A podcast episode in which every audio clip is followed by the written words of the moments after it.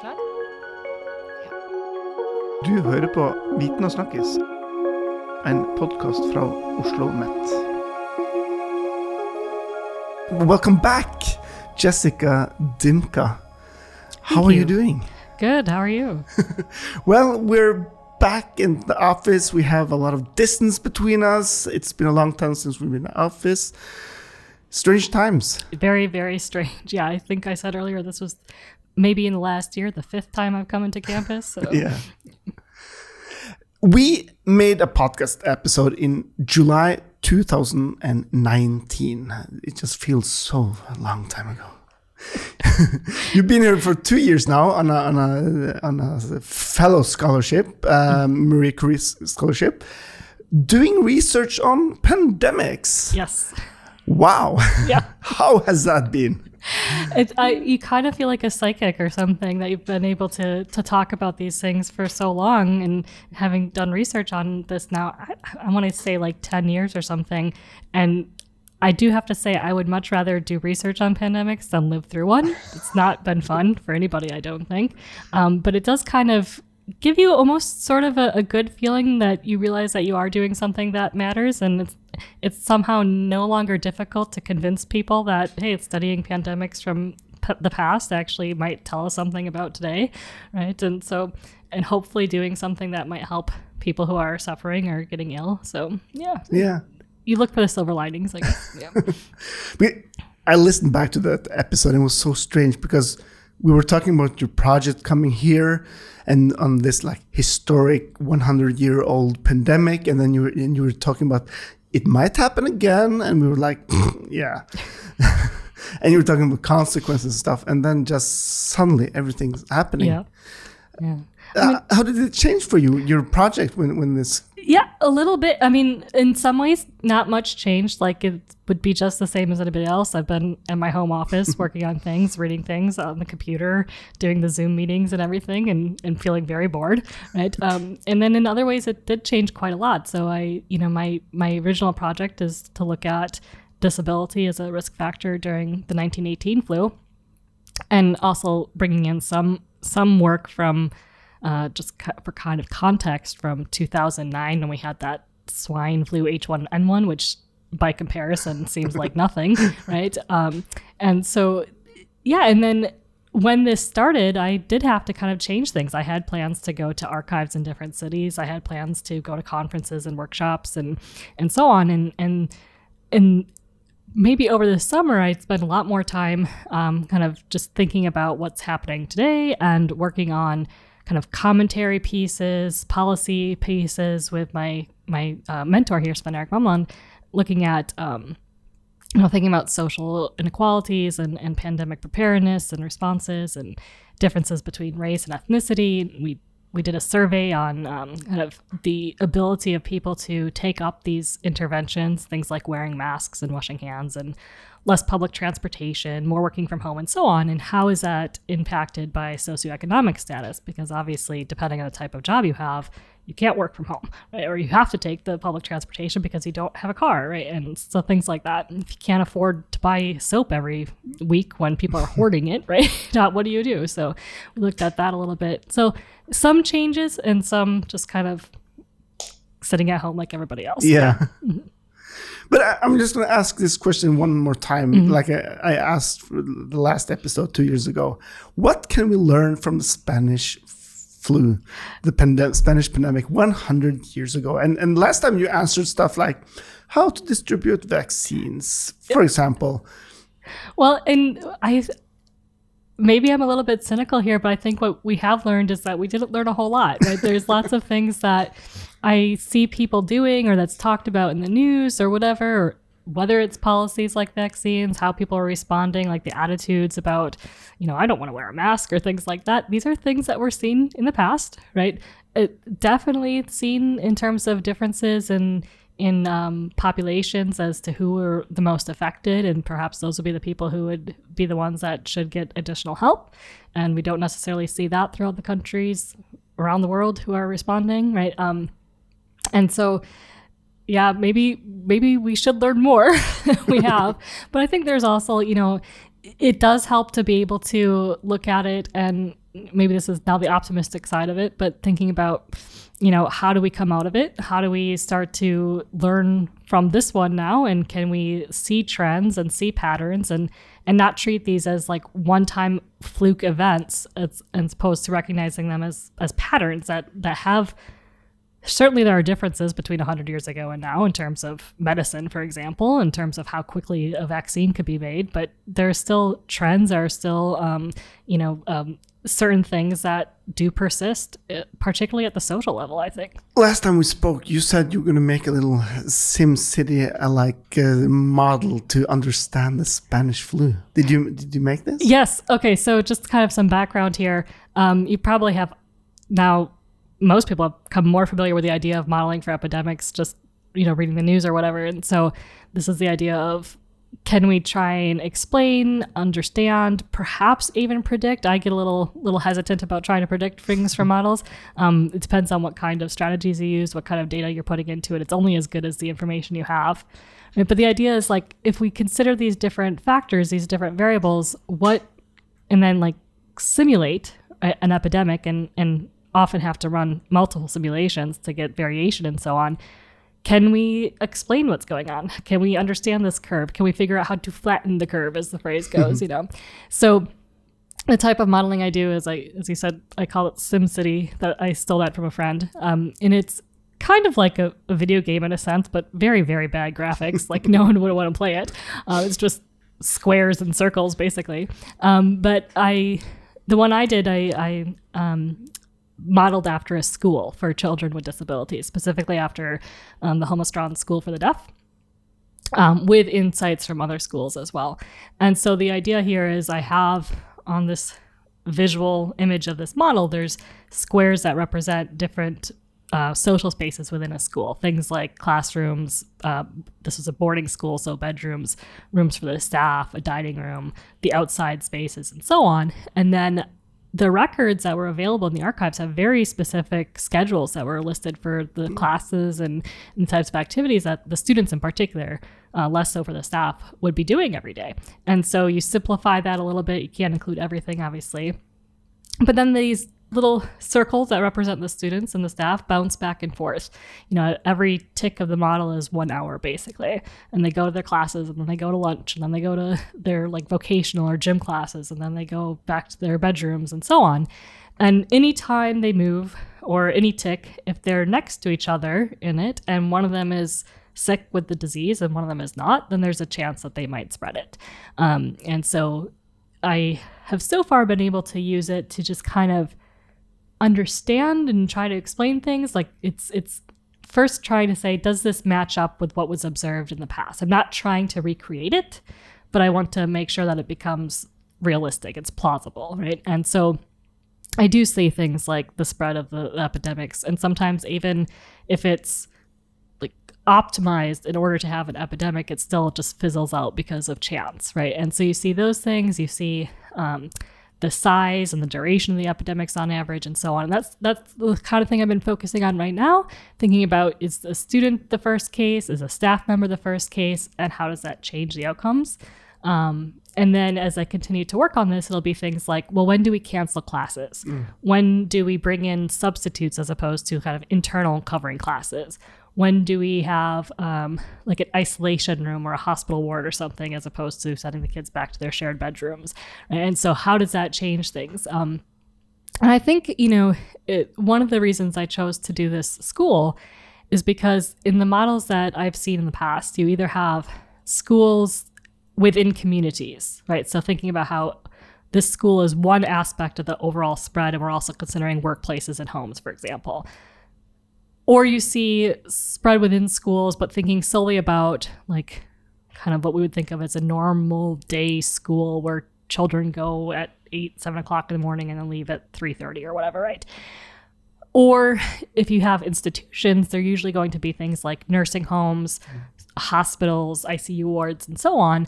Um, really, perhaps really sick people or older people. And there's kind of this gap where we're talking about schools or residential facilities for young people where they're living there and also have potential health concerns that might be leading into problems. So that's where I'm hoping to fill in with that, that model. And so the first part of the, of the project was really looking at um, data from the 1918 flu uh, to kind of understand or, or get quantitative numbers in a sense. And so I looked at um, records that were recorded at the time of the 1918 flu for seven different psychiatric institutions, um, mostly kind of in the Bergen area. Um, and the person um, collected numbers of cases and numbers of deaths for the staff members and for the resident patients.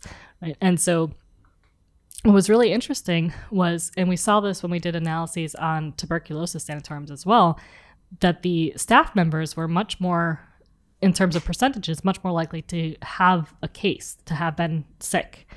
But the people who had the residents there, the people who with the presumed disabilities, you can't necessarily say the staff didn't have them, right? But the ones that were um, being treated at these hospitals, when they did get sick, they had a much higher case fatality or death rate. And so there's this kind of weird crossover.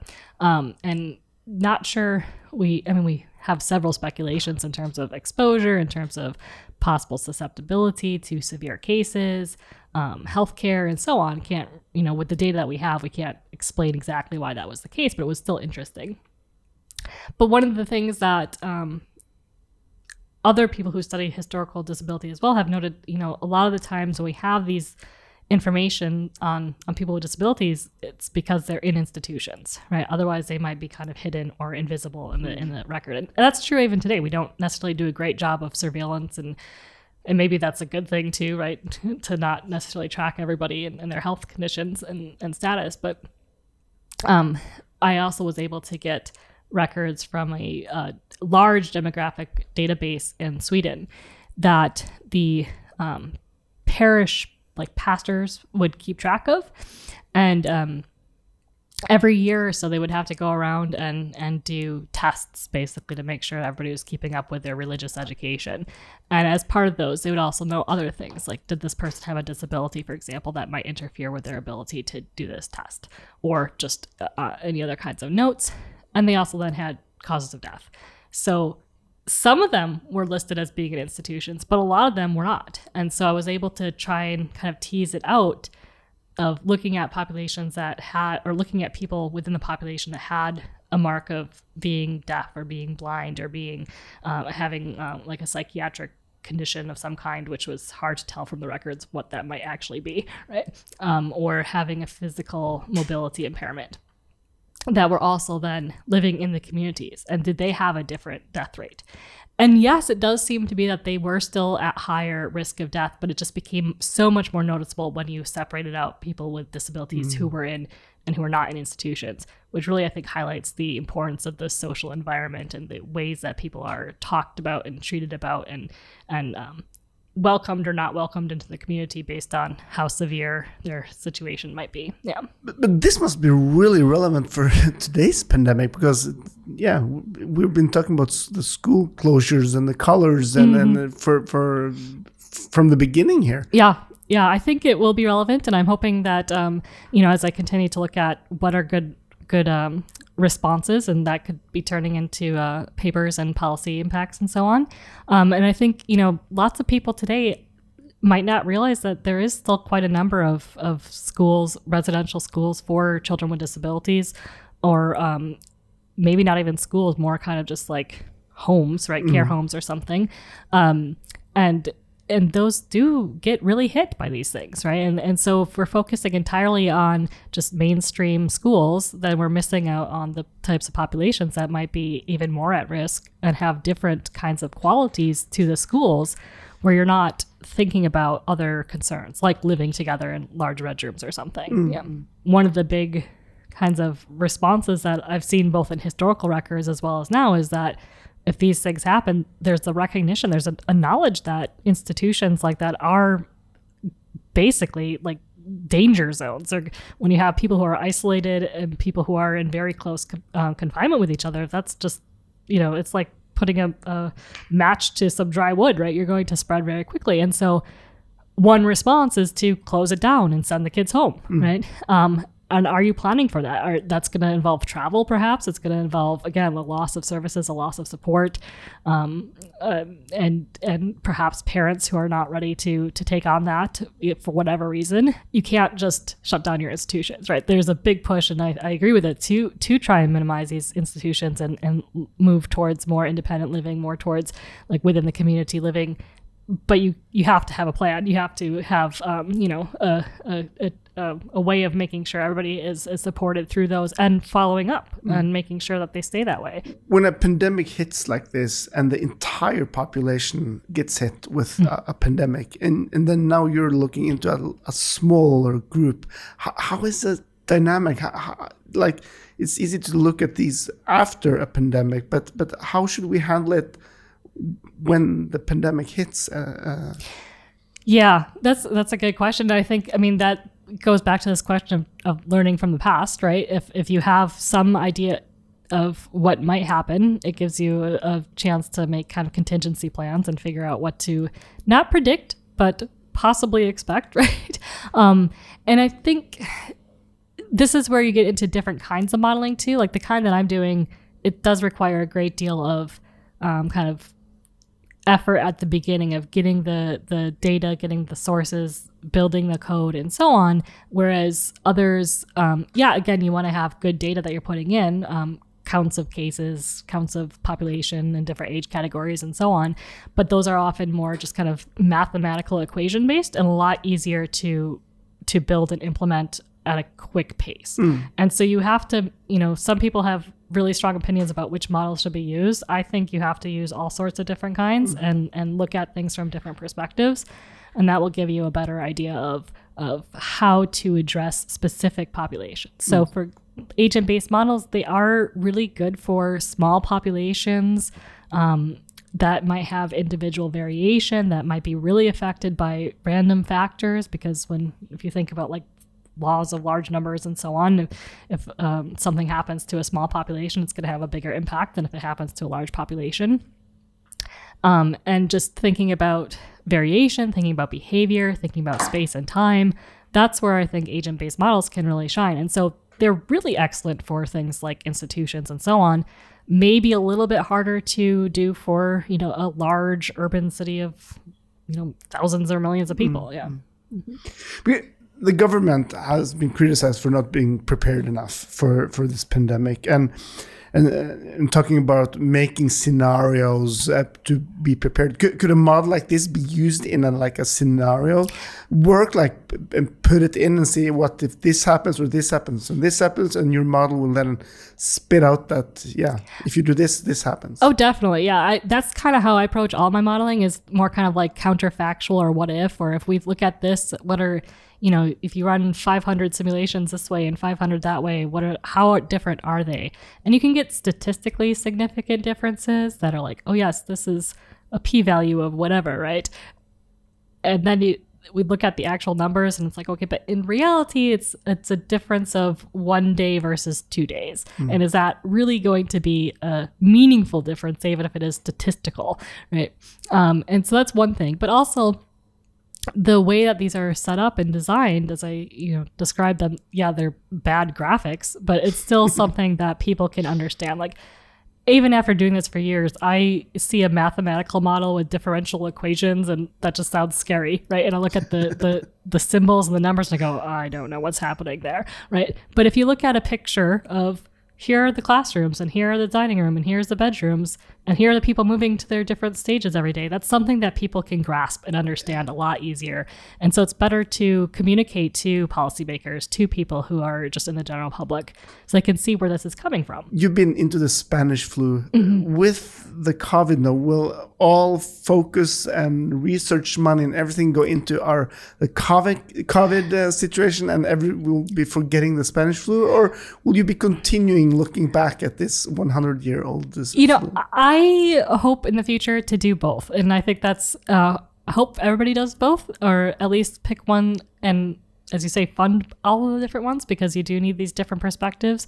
You can't look at long term effects of COVID right now, for example, because it's only still going on, right? Still but you can look at long term effects of historical ones. And so it gives you different perspectives and different viewpoints. Um, but yeah, there is a, I definitely feel that, you know, now that I see this happening and my own research, I, I do feel there is sort of an obligation to say, well, we should do research on COVID as well and, and actually demonstrate how these are connected and, and, and make these comparisons because this is affecting people's lives real net lives right now. And that's, you know, our grant funding comes from taxpayers, comes from the EU, comes from, you know, the thing the the money of the people who are being affected by it. And so our work should actually impact that. Yeah. Well, your your two year fellowship uh, is is ending now.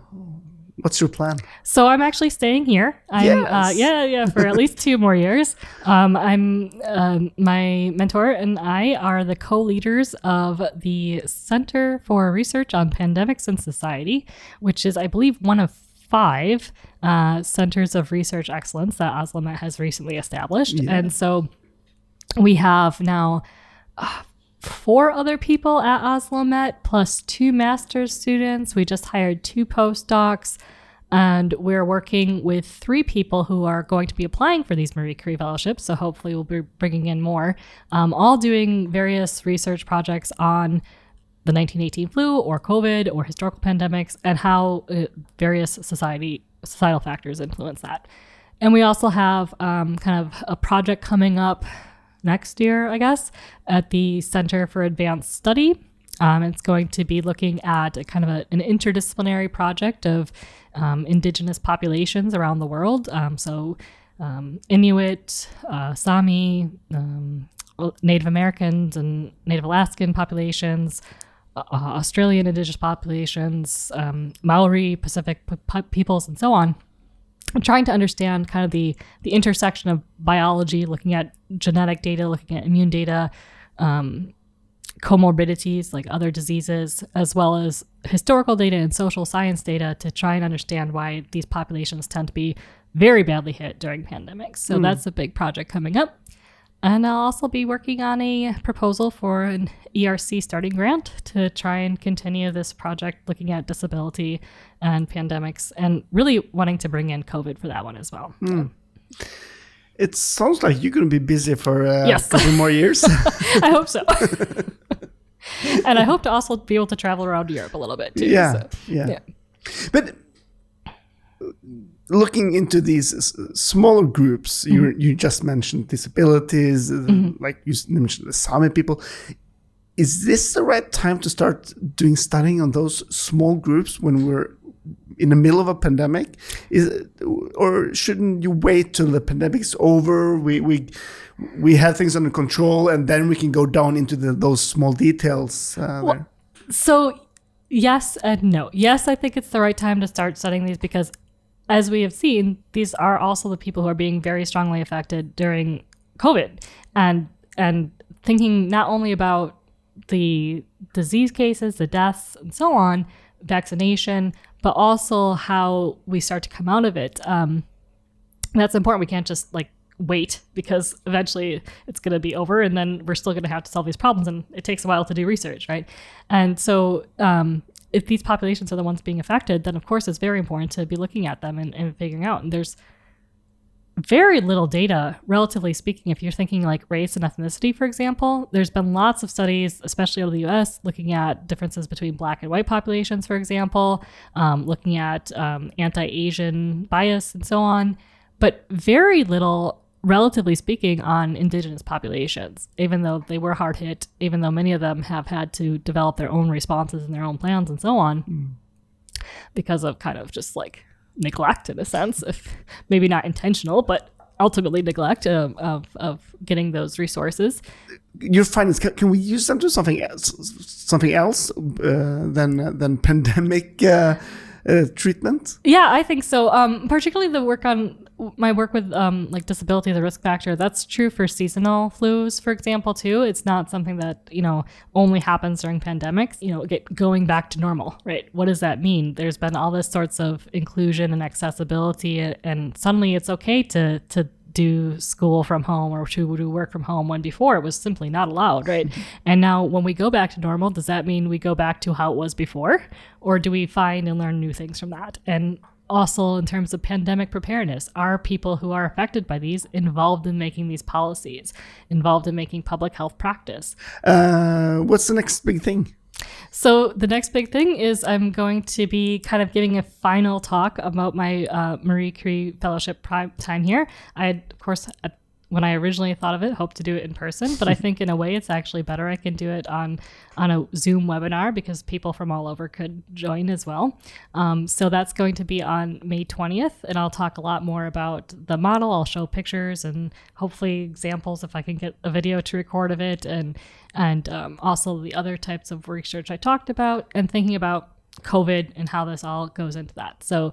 May 20th, 4 o'clock Oslo time. And um, I think we could put the link for for that up on the web page as well as you can also email me um, or look up Center for Research on Pandemics and Society. Lots of different ways Oh, you can yeah. find that. And, and We're we'll get you the gonna links, yeah. spread those links Yeah. Mm-hmm. all over this uh, show notes. So uh, if you're really interested in this stuff, please go there. Yes. Uh, find the link to the yeah Yes. Mm-hmm. the Zoom meeting or your contact information or the center and Yes. and everything. Yes. Jessica, thank you very much for coming back. Thank, you, for doing really important research on these topics. Thank you. It seems hard to believe it's been two years since we were sitting across from each other before. so And yeah, so uh, what should we say? Meet again in two years? And why not? hope that this is over and Let's hope. and, and uh, learn new findings from right. the, the world of pandemics. Sounds good. Thank you. Thank you very much, Jessica. And uh, for you guys listening, uh, there's coming a new episode pretty soon with the two of the master students Jessica was talking about. We'll, we're going to talk more about the pandemic research. So uh, remember to uh, subscribe to our podcast, Viten Snakkes, and more interesting episodes will be coming your way.